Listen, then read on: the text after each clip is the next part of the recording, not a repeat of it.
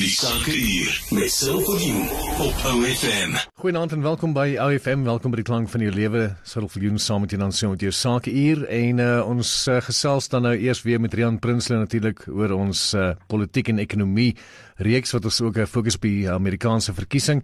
So Rian, welkom weer saam met ons. Vir my lekker om weer met jou te gesels en uh, te kyk hoe die dinge lyk. Ja, dankie Cyril, dankie vir jou tyd. So kom ons kyk, heel eerstens, waar trek ons op hierdie stadium? Ek wil net vir die ouens sê dit is nou vandag op hierdie stadium. Dit is nou die 4de November wat ek en jy gesels.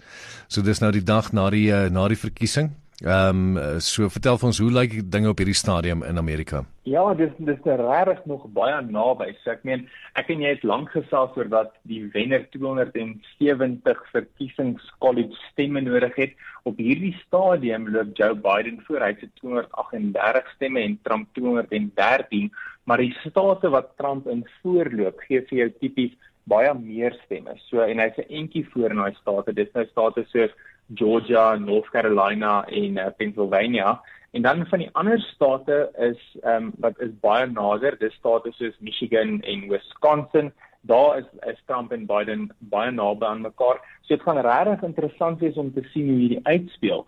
Ehm um, wat ons wel ook weet is dat Republikeine tipies op die dag stem dag sou stem terwyl meer uh, demokrate hulle stemme sou inpos. So daar is 'n kans dat hierdie kan swaai. Die mate van dit is natuurlik baie moeilik om te bepaal. Ek dink wat ook belangrik is as jy weet 'n staat soos Pennsylvania wat dit is dis 'n groot dis 'n belangrike staat. Ehm um, die staat gaan vir jou 20 ehm um, verkiesingskollege stemme gee wat wat baie is jy weet gaan vir Trump baie help. Hy's omtrent so 10% voor in daai staat, maar hulle gaan nog stem stemme aanvaar, pos stemme aanvaar tot Vrydag toe. So jy weet die die die statistieke kan regtig nog verander soos wat dit aanbeweeg, soos dit hierdie loop beweeg. As ons kyk na die swaai state, jy het so vinnig bietjie genoem oor hulle ook. Ja, so ek dink die die belangrikste is, is op hierdie stadium lyk dit soos op Pennsylvania redelik belangrik is en dan ook in North Carolina en en Georgia. En ek dink wat die belangrikste is vir ons nou is dat Trump is 'n uh, entjie voor. Terwyl in die ander swaai state die wat ons al genoem het soos soos uh, Michigan en Wisconsin daar is dit regtig hulle is 'n persent of so uitmekaar uit op hierdie stadium gaan regtig interessant is om te sien hoe dit uitspeel. En dan ook, jy weet, ons het ook gesels oor die popular vote en op hierdie stadium is Biden omtrent so 2.5 miljoen stemme voor Trump op die popular vote.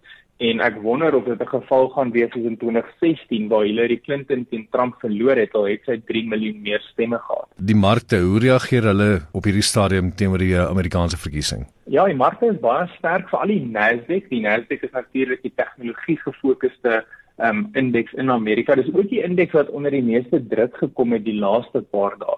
So dit kan ook wees dat dat jy weet mense dink dit was net oordoen, maar op hierdie stadium is die Amerikaanse markte almal sterk in die groen. Die S&P 500 is so 1% hoër en die Nasdaq is so 2.4% hoër.